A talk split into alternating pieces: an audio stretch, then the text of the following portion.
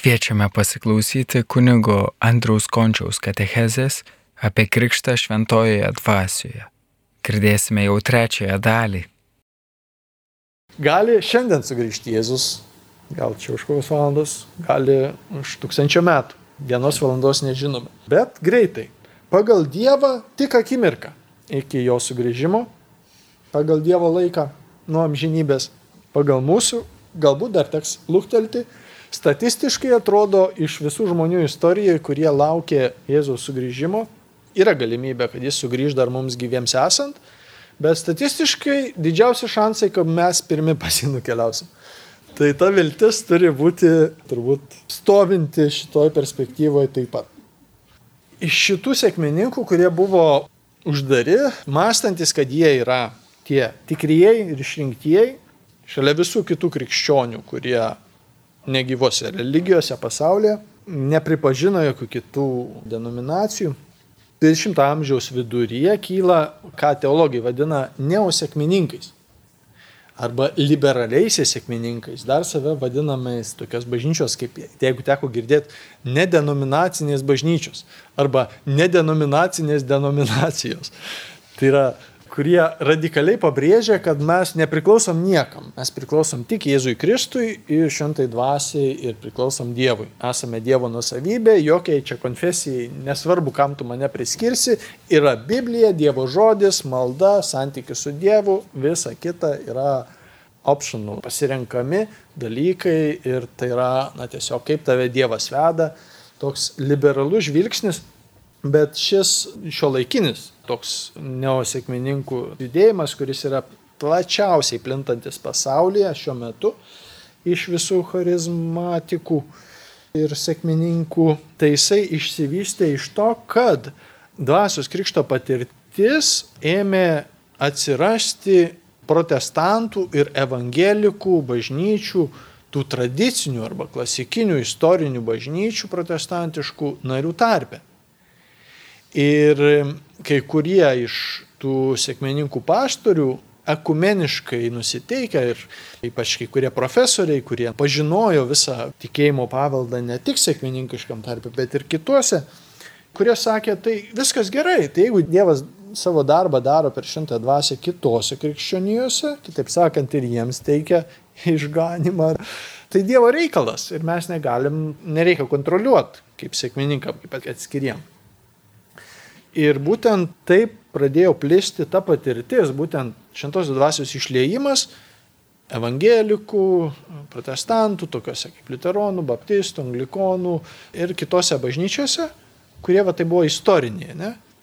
Ir jie tada priėmė tą, kaip teologai vadina, charizminio atsinaujinimas, kad būtų aiškiau. Buvo sėkmininkai ir čia yra neosėkmininkai arba charizmatai, reiškia dar vadina charizminės, bet čia tas terminas jisai vėliau priklijuotas, kai kurių profesorių ir atrodo iš vienos pusės prigijo, iš kitos ne visai tikslu yra, nes na, apie tai prieisim dar, apie šitą temą. Taigi, pradėjo plėsti gana plačiai ir išplito į visus žemynus, kadangi tu tiesiog patiri Dievą, jam atsiduodi, nesvarbu, kur esi, nesvarbu, kas esi, Ir skirtingose žemynuose įgavo visiškai skirtingas formas. Amerikoje vienokia, Afrikoje kitokia, Azijoje vėl trečiokia. Kadangi neturi kažkokio bendro struktūrų ar dar kažką. Tiesiog yra patirties vyksmas. Ir iškyla daug visokių kritiškų aspektų šitoje vietoje. Tai kurie toli gražu nebūna geri. Į labai konkretumus nesileisiu, bet kokioje ten Afrikoje, jeigu pastorius gali vaikščiot ant žmonių gulinčių ant žemės ir sakyti, kad taip ant jūsų Dievas nužengia, arba liep nusirengti visiems nuogiem, nes geriau praeitų šventoji dvasia per jų. Čia Afrikos, ne kultūriniai reiškia. Bet čia kultūra reiškia, transformuoja šitos dalykus. Ir ypač stiprus tas žvaigždžių, celebrity kultai, reiškia, žymybių kultas, kad tie, kurie yra lyderiai, tų bažnyčių ir mega bažnyčių, pastoriai, pranašais jie save, paštalais ten pasiskelbė. Tai jie kaip tokie dievukai, ypač Afrikoje, kitur laikomi, žodžiu, neklystantis, net jeigu kartais daro visiškas nesąmonė. Žinai. Ir tyrėjai ypač Afrikoje tos kritinius dalykus pastebi. Bet pavyzdžiui, Azijoje neosekmininkai, būtent tas judėjimas įgavo didelę jėgą tokiuose kraštuose kaip Kinija, kur oficiali religija yra uždrausta, o čia, žinai, nėra jokios struktūros. Nėra jokių lyderių, nėra nieko, žmonės tiesiog susirenka namuose, pasima Bibliją, melžiasi šaukęs šventosios dvasios, šventoji dvasia ateina, jie tiesiog vieni už kitus laimina, vienas kitą pakrikštyje. Ir tiesiog, reiškia, ir Jėzaus Evangelija per namų bažnyčias plinta ir valdžia neturi būdo kaip sustabdyti. Nes nėra ką nubausti. Dievimsi šitie šeimų žmonių už tai, kad beldžiasi namuose. Ir, ir Kinijoje Dievo žodis daugybė, daugybė, daugybė žmonių pasiekė, daugybė žmonių įtikė Jėzų būtent per neosekmeninkų tokios veikimą iš vidaus.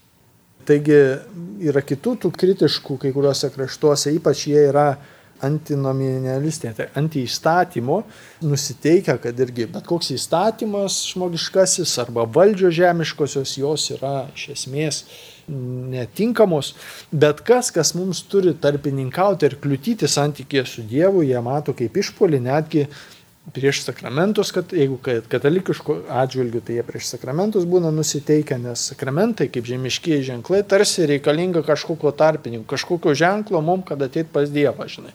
Tai ką negalim tiesiogiai pas jį su juo reiškia būti santykiai jie pripažįsta tik absoliučiai radikaliai santykių su Dievu, nepaisant jokio išorinės įtakos tiek kitų žmonių, autoritetų, tiek na, sakramentų bažnyčioje. Ir tuo būdu yra gana radikalūs ir mokslo, ir akademinių kartais pasiekimų irgi nelabai paiso, nes tai yra žmogiškoji išmintis, kuri na, nieko bendro neturi su evangelinė tiesa jų žvilgsniu pas juos ypač akcentuojama jėga. Power! Turi būti pasireiškimas. Jeigu jėga nesireiškia, jeigu nevyksta išgydymai, jeigu žmonės nevirsta, jeigu žmonės nepranašauja, jeigu žmonės neverkia, tai vadinasi, nėra Evangelijos šiandien mūsų tarpe. Turi pasireikšti kažkaip. Tai jie ypač tą akcentą turi stiprų ir šiandien sėkmininkai ant to labai labai stipriai žvelgia į tą jėgą, jėgos pasireiškimą, kaip sakim, ženklą, kad Dievas yra su mumis. Galbūt iš pačių protestantų, iš tų pačių neosekmeninkų, kai kurių, kurie taip truputį paprasčiau žiūri ir taip giliau stengiasi išvelgti, jie patys sako, kad, žinai, čia kai kuriais atvejais gali būti tai, ką Jėzus kalbėjo Evangelijoje kad ateis tą dieną, sakys viešpatie, tavo vardu išvarinėjom demonus, kalbėjom kalbom, gydėm ligonius, aš pats sakys, sorry, o kas jūs? kad nepažįstu, žinai. Čia atsispindi principas, ką katalikų bažnyčia moko apie pašvenčiamą arba bažnyčios vienybės ir sakramentinį matmenį bei charizminį matmenį, kurie eina kartu visiškoje bendrystėje, bet jie nėra tapatus. Tai reiškia, kad charizmos ir Dievo pažadai galioja absoliučiai kiekvienam, nepaisant to, koks tavo statusas bažnyčioje arba tavo statusas Dievo atžvilgiu. Koks bebūtum baisiausias nusidėjėlis, Dievo charizmas tavyje veiks. Jeigu tu tikėjimu jas priimsi ir jos leisi į apyvartą. Tai katalikų bažnyčia sako, kad charizmos nėra determinuotos žmogaus būklės. Žmogus gali būti sunkios nuodėmės būklė. Vienas kunigas gynėsi bakalaurą iš naujosios evangelizacijos temos ir jo komisija paklausė, Sako, o sakyk, o gali žmogus skelbti Evangeliją, jeigu jis yra sunkios nuodėmės būklėje? Jisai sako, gali, išbandžiau. tai, tai Dievas veikia mumise. Tai reiškia, mums svarbu patiems, gana svarbu, ar ne, kad kas iš to, jeigu išgelbėsite visą pasaulį, bet pražudysite savo gyvybę, ar ne, tai ir patiems siekti, bent jau turėti perspektyvą, ar ne, gyventi pagal Kristų.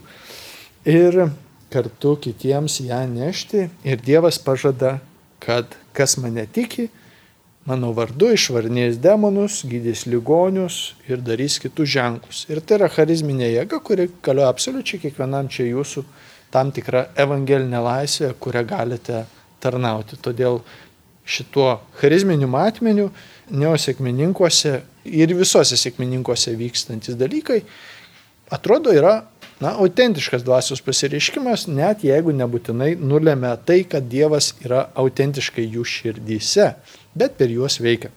Man pačiam daug kartų viešpats leido tai patirti, buvau kelis kartus nurašęs kitus žmonės. Ai, tas toks, tas anok, žinai, reiškia, nurašai žmogų ir čia tu pat viešpats siunčia pamoką.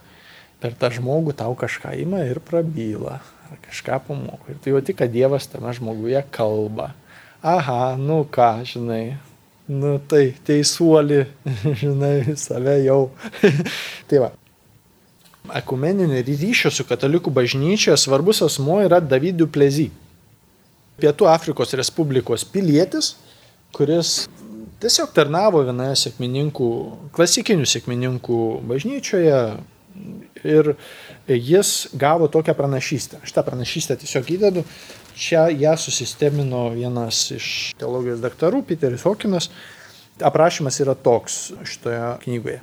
Vieną tų metų sausio mėnesio rytą Duplezy anksti ryte buvo savo biure. Staiga atsidarė duris ir į vidų įžengė Smithas Vigelsvortas. Misionierius iš Anglijos, kuris net nebuvo baigęs mokyklos, nemokėjo skaityti ir rašyti, bet turėjo pranašystės dovaną ir jį Dievas naudodavo įvairiausiais būdais. Šis evangelistas net nepasisveikino, bet įsakė Duplezį, ateik čia. Duplezis vos spėjo apeiti stalą, kai Viglės Fortas uždėjo jam rankas ant pečių, prispaudė prie sienos ir pradėjo kalbėti. Duplezis iš karto suprato, kad tai pranašystė. Artėja atgimimas, apie kurį šiuo metu pasaulis nieko nežino. Jis nuvilnys per bažnyčias, jis ateis naujų būdų. Kai tu pamatysi, kad Dievas daro per šį atgimimą, turėsi pripažinti, kad visa tai, ką matėjai anksčiau, yra tik niekai palyginti su tuo, kas ateis. Tai apims viską, kas buvo žinoma istorijoje. Tuščios bažnyčios, tuščios katedros vėl bus pilnos tikinčiųjų. Pastatai negalės sutalpinti minio žmonių. Tuomet pamatysi daugybę žmonių, kurie kartu garbins ir šlovins viešpatį ir tave viešpats ketina panaudoti šiame atgimime juk tu jau pakankamai ilgai buvai Jeruzalėje. Viešpats siūs tave į žemės pakraščius. Jei būsi ištikimas ir nuolankus, viešpats panaudos tave, o jei liksi ištikimas ir nuolankus, pamatysi didžiausius įvykius bažnyčios istorijoje. Duplezy net negalėjo suvokti, kas tai yra, bet jis tapo pasaulinio žinomumo, jį pakvietė katalikų bažnyčiai antrąjį Vatikano susirinkimą kaip bendradarbį. Jis turėjo labai artimus ryšius su katalikais ir su visais kitais, pats būdamas sėkmininkas, jį viešpats išmokė neteisti nei vieno krikščionių. Nes dažnai sėkmininkai nurašydavo, ypač katalikam kliūdavo.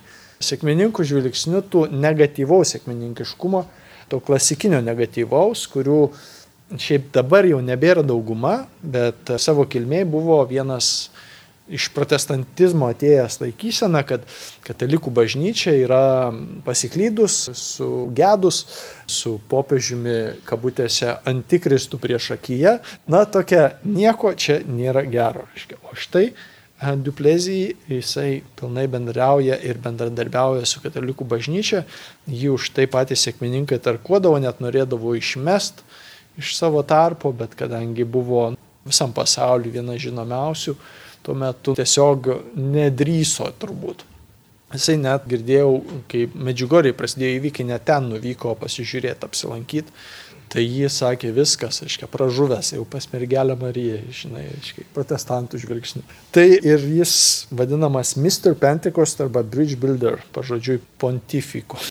Popiežius yra tiltus ir jam toks tiltų tiesėjas iš e, sėkmininkų pusės.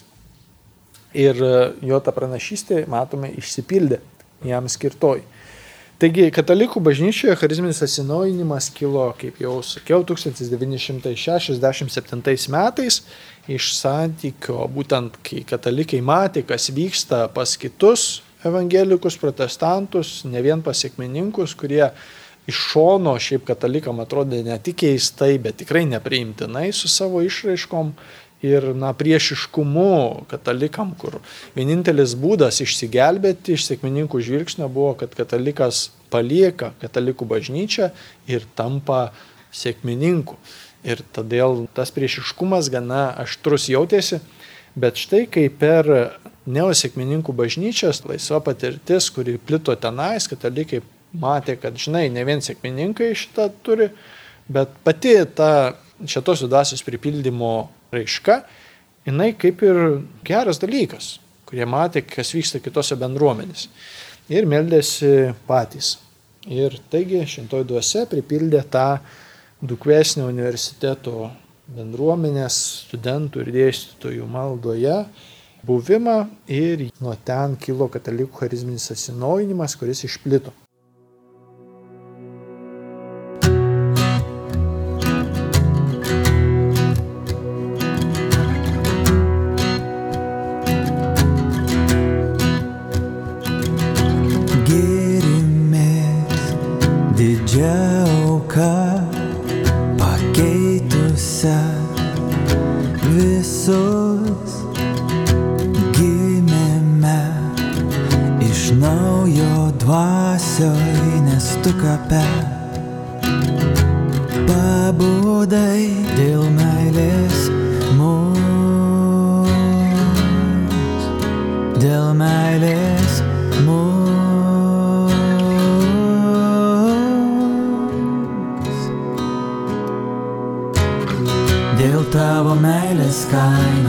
Šventosios dvasios galios, gyvybė plūs, gyvybė plūs, dėl tavo meilės kainos, šventosios dvasios galios, gyvybė plūs, gyvybė plūs,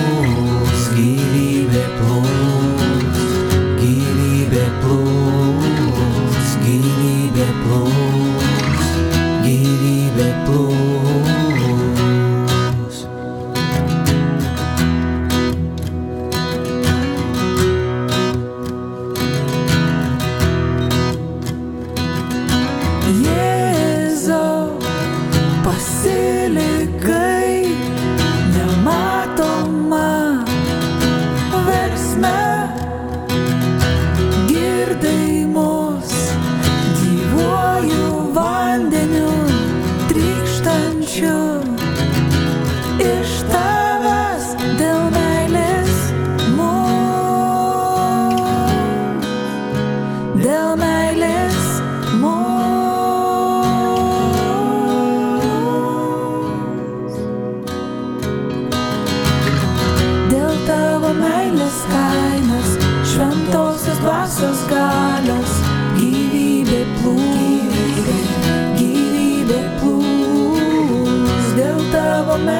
kainos, šventos uz vasaras gadus.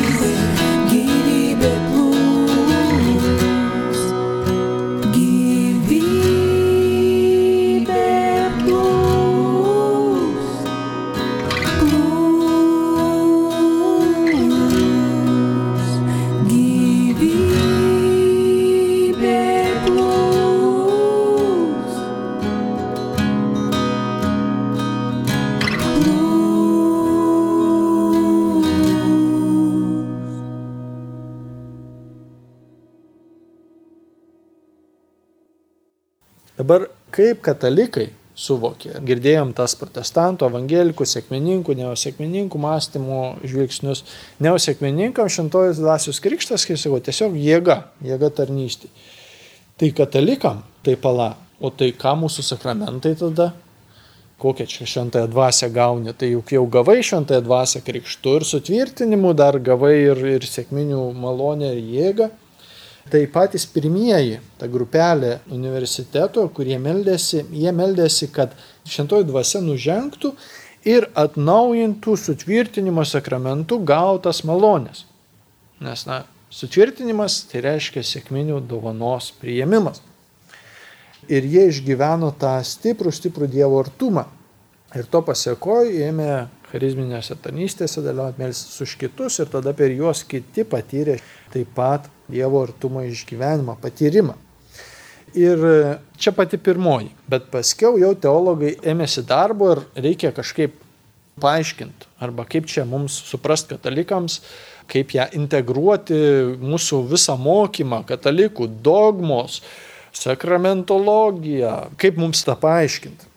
Tai dabar yra trys mokyklos katalikų charizmatų teologų, sakykime, kurie aiškina, kad būtent katalikų patirtas šventosios dvasios krikštas yra krikštu priimtos šventosios dvasios dovanos ir kitų dovanų bei sutvirtinimu priimtų ir arba šitas yra, nes kai kurie teigia, kad krikštų gautųjų dovanų suaktualinimas, kai kurie sakė, kad sutvirtinimo, nes tai yra sėkminių malonės, kai kurie, kad ir to ir to.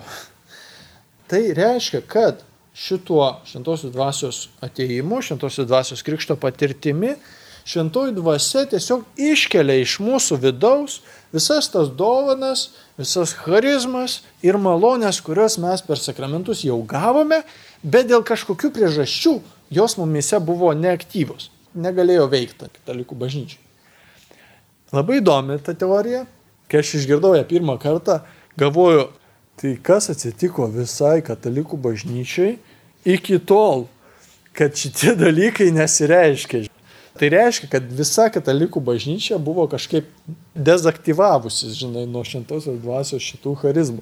Nes panašių raiškų buvo matyti tam tikrų šventųjų gyvenimuose, bet šiaip visuotiškai nelabai matysi, kad kažkas iki tol mestųsi kalbom arba eitų į pranašavimo misijas, evangelizavimo misijas. Ar...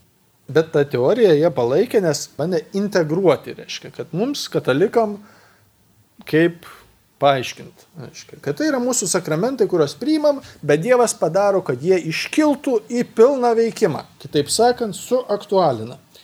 Ir šitie autoriai, kurie palaikė, tai patys pirmieji būtent tos Dukesnio universiteto rekolekcijų dalyviai, tai buvo Kevin and Dorothy Raneganai, kiti teologai kaip, kaip dominikonai ir jezuitai, tai Gelpis, Tagvelas, Kafarel, Kardinolas Suenensa, turbūt daugelis girdėjo, René Laurentina, Heribert Mülen, Kilian McDonald, vienas iš tokių ryškiausių, nors gal plačiai nelabai žinomų. Šiam žvilgsniui oponavo jau, kai šitie teologai visi pradėjo vystyti savo tas idėjas aktualizavimo ir vienas kitą perpasakojo ir papildė, oponavo ir galima sakyti naują žvilgsnį teikė, pateikė jezuitas Gregorianų universiteto profesorius Francis Sullivan. Jisai teigia, kad dvasios krikštas negali būti, kad tai yra suaktualinimas krikštų ir sutvirtinimu gautųjų malonių, nes ką tada suaktualina Dievas tose raiškose, kurios vyksta ne katalikų bažnyčioje, pavyzdžiui, kur labai panašiai veikia, ne? Tai ką tada ten suaktualina? Ir akivaizdu pakankamai, kad tai yra kažkoks tam tikras naujas Dievo darbas pradėtas krikščionijoje ir katalikų tarpe. Tai turi būti naujas siuntimas. Salivanas paaiškina šį siuntimą pasitelkdamas Tomą Akvinietį ir jo mokymą apie šventosios dvasios misijas, kurios gali būti susijusios su mūsų pašventinimu ir bažnyčios vienim, bet gali būti visiškai naujos Dievo darbas, naujas Dievo siuntimas. Salivanas sako, kad panašiai tokie atsinaujinimai daugybę kartų jau vyko katalikų bažnyčioje, pavyzdžiui, pranciškonai atnešė atsinaujinimą. Ne? Ir tai Dievo dvasia paskatino bažnyčioje tam tikrą atgimimą, sakykime, revivalą. Tada jezuitai, vėl kiti, ar ne, tai Dievas siunčia tuos atsinaujinimus, kurie nėra tarsi bažnyčios pagimdyti, bet tarsi kaip pagalba Dievas mums suteikia.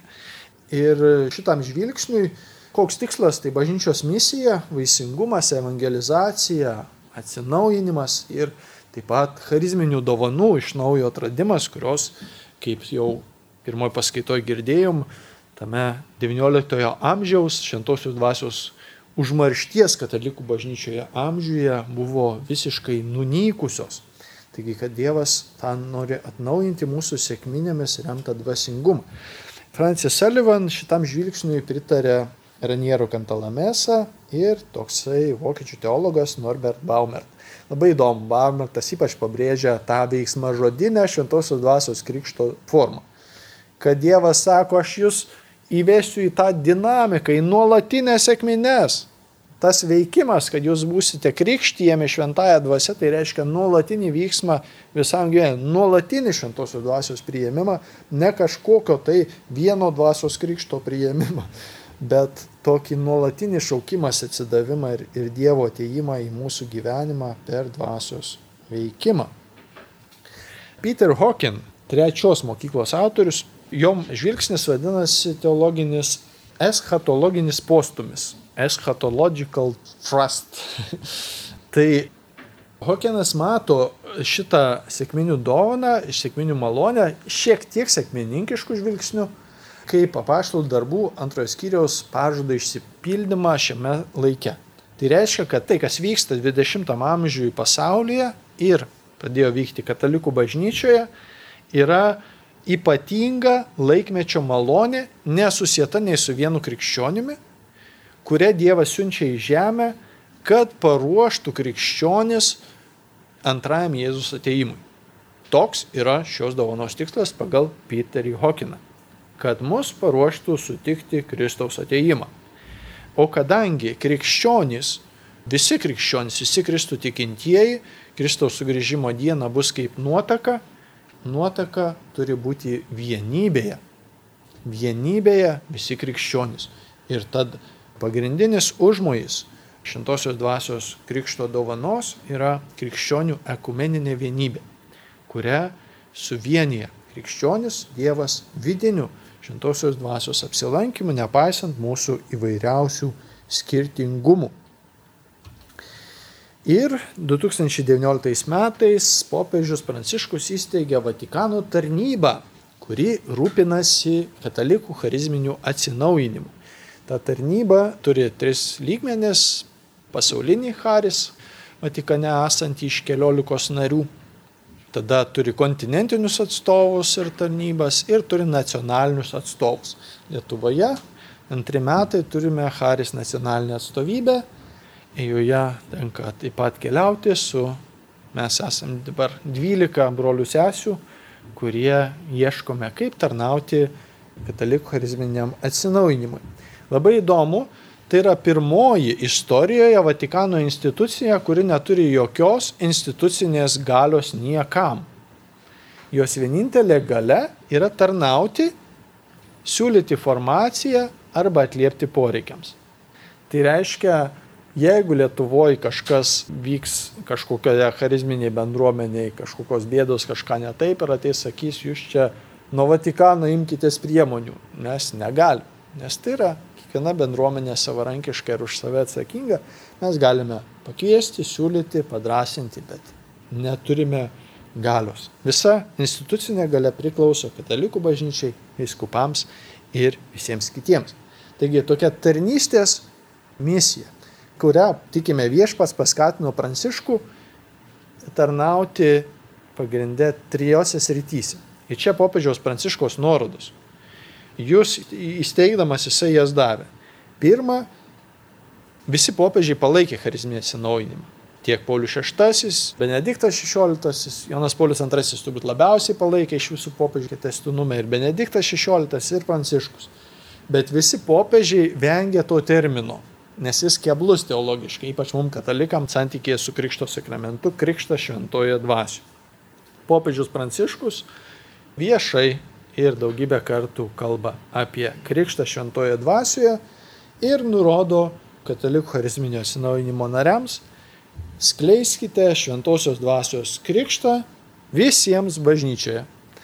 Taigi nebe galimybė, nebe dvasingumas katalikų bažnyčioje, tų charizminių fanų, kurie, na, įvairiausiais būdais reiškiasi bažnyčioje, bet jau tampa bažnyčios misija.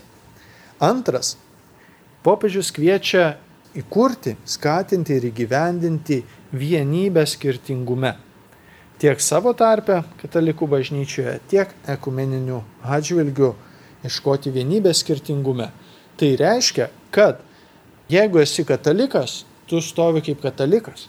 Bet jeigu tu sutinki kitą protestantą, liuteroną, evangeliką ar dar kurį nors, tu jo nebandysi kažkokiu būdu pakviesti, kad tu žinai gal tap kataliku. Bet tu priimi jį tokį, koks jis yra. Ir to paties kvieti iš savęs. Ir kad šventoji dvasia mus kviečia susidraugauti ir keliauti kartu, nepaisant mūsų skirtingumo. Ir sėkmininkų atžvilgių, katalikų, iš sėkmininkų pusės katalikų atžvilgių, šito principo buvo labai stipriai nesilaikoma ir vis dar šiais laikais nesilaikoma tarp tų, kurie yra radikalūs ir tai vadinama kaip negatyvių nereiškinių, kaip prozelitizmų, mėginimų patraukti kitus į savo tarpą įvairiausiais būdais, kad tarsi nepriimant tai, kad svarbu santykis su Dievu ir būtent tuo keliu, kuriuo eini. Aišku, iš katalikų pusės gal sakysime, bet pas mus malonės pilnatvė, sakramentai ir visa kita, na, mums katalikams gal taip ir atrodo taip, taip ir yra, ne, bet Dievo planas arba Dievo užmojais gali būti įvairus. Gali būti įvairus. Kaip jis mus šiame laikmetyje nori vesti. Ir popiežius sako, kviečia tą įgyvendinti vienybę skirtingume. Ir trečias punktas - tarnystė vargšams, bet plačiaja prasme. Pirmiausia, dvasios sielos vargšams. Šiame laike labai daug charizminis atsinaujinimas ypač tarnauja ir esu girdėjęs belė kiek liudymų perkeistų gyvenimų. Alkoholizmai pasitraukia, pornografijos priklausomybės pasitraukia. Dar kiti dalykai pasitraukia žmonėmis iš gyvenimo, jeigu jie čia nėra, kad ateisi pas charizmatorių ir išspręs tau problemą, vis tiek iš savęs atsakingai. Bet, na, tie vaisiai, kad žmogaus dvasia ir žmogaus gyvenimą Dievas tikrai perkeičia. Yra ta tarnystė tiems, kurie yra sužeisti, kurie yra įvairiausiose sunkumuose savo gyvenime išgyvena, bei taip pat ir tiems, kurie stokoja maisto, išteklių, drabužių, dar kažko. Galbūt, sakysime, valstybė yra karitas, yra visa kita, bet popiežius sako, neužmirškite, netapkite patys savo faini, nes charizminėse bendruomenėse labai lengva įgyvendinti tą surūgusio vyno principą, kada tu pripildytas Dievo dvasios, užsidarai savo bendruomeniai, kaip mums faina, kaip mums gera ir tada visi labai džiaugiasi, kokie mes mėly, kokie mes geri, kokie mes čia šventi, kaip mes čia su šventąją dvasia. Ir paskiau kažkaip nebesupranta tos bendruomenės, o kodėl šitos Dievo dvasios kažkaip mažiau pas mus. Tai popiežius vis kviečia išeiti į misiją.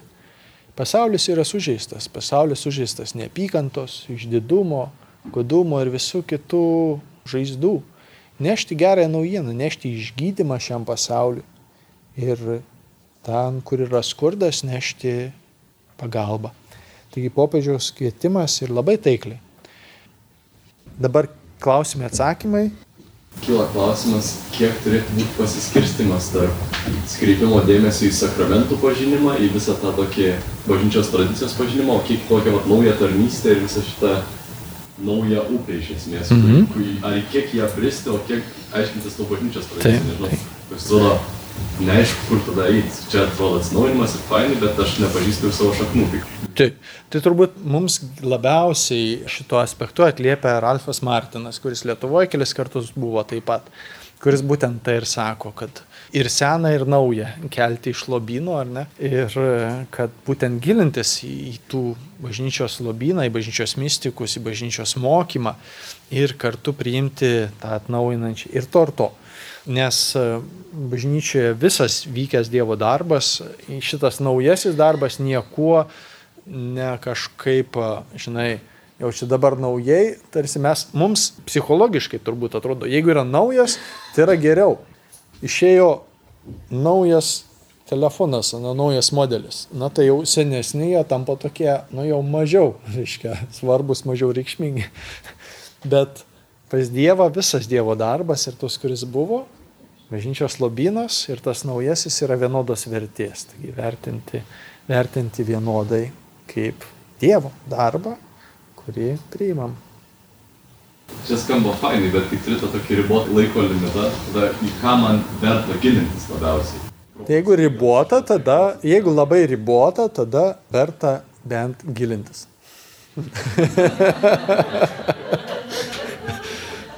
Mes esam patys savo labai geri, patys savo užtenkami. Jo, jo pilnai.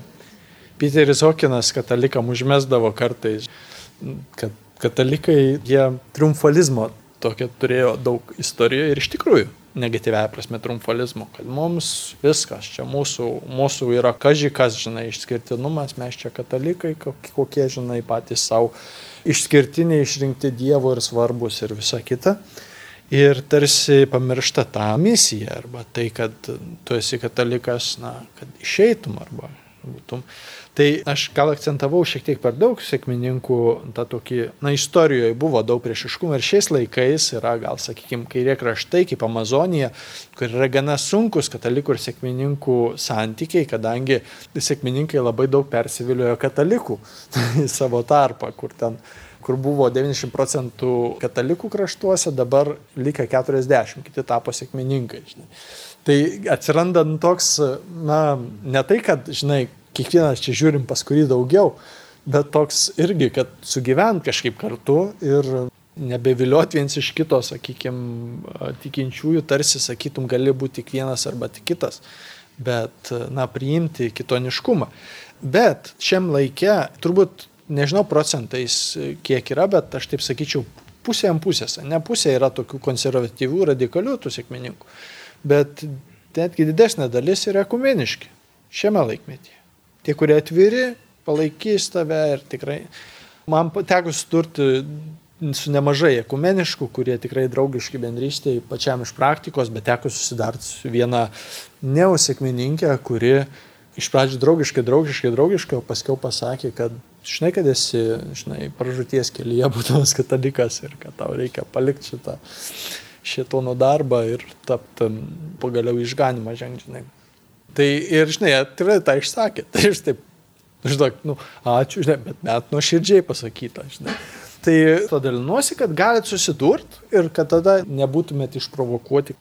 Apie krikštą šventojoje dvasioje kalbėjo kunigas Andrius Končius.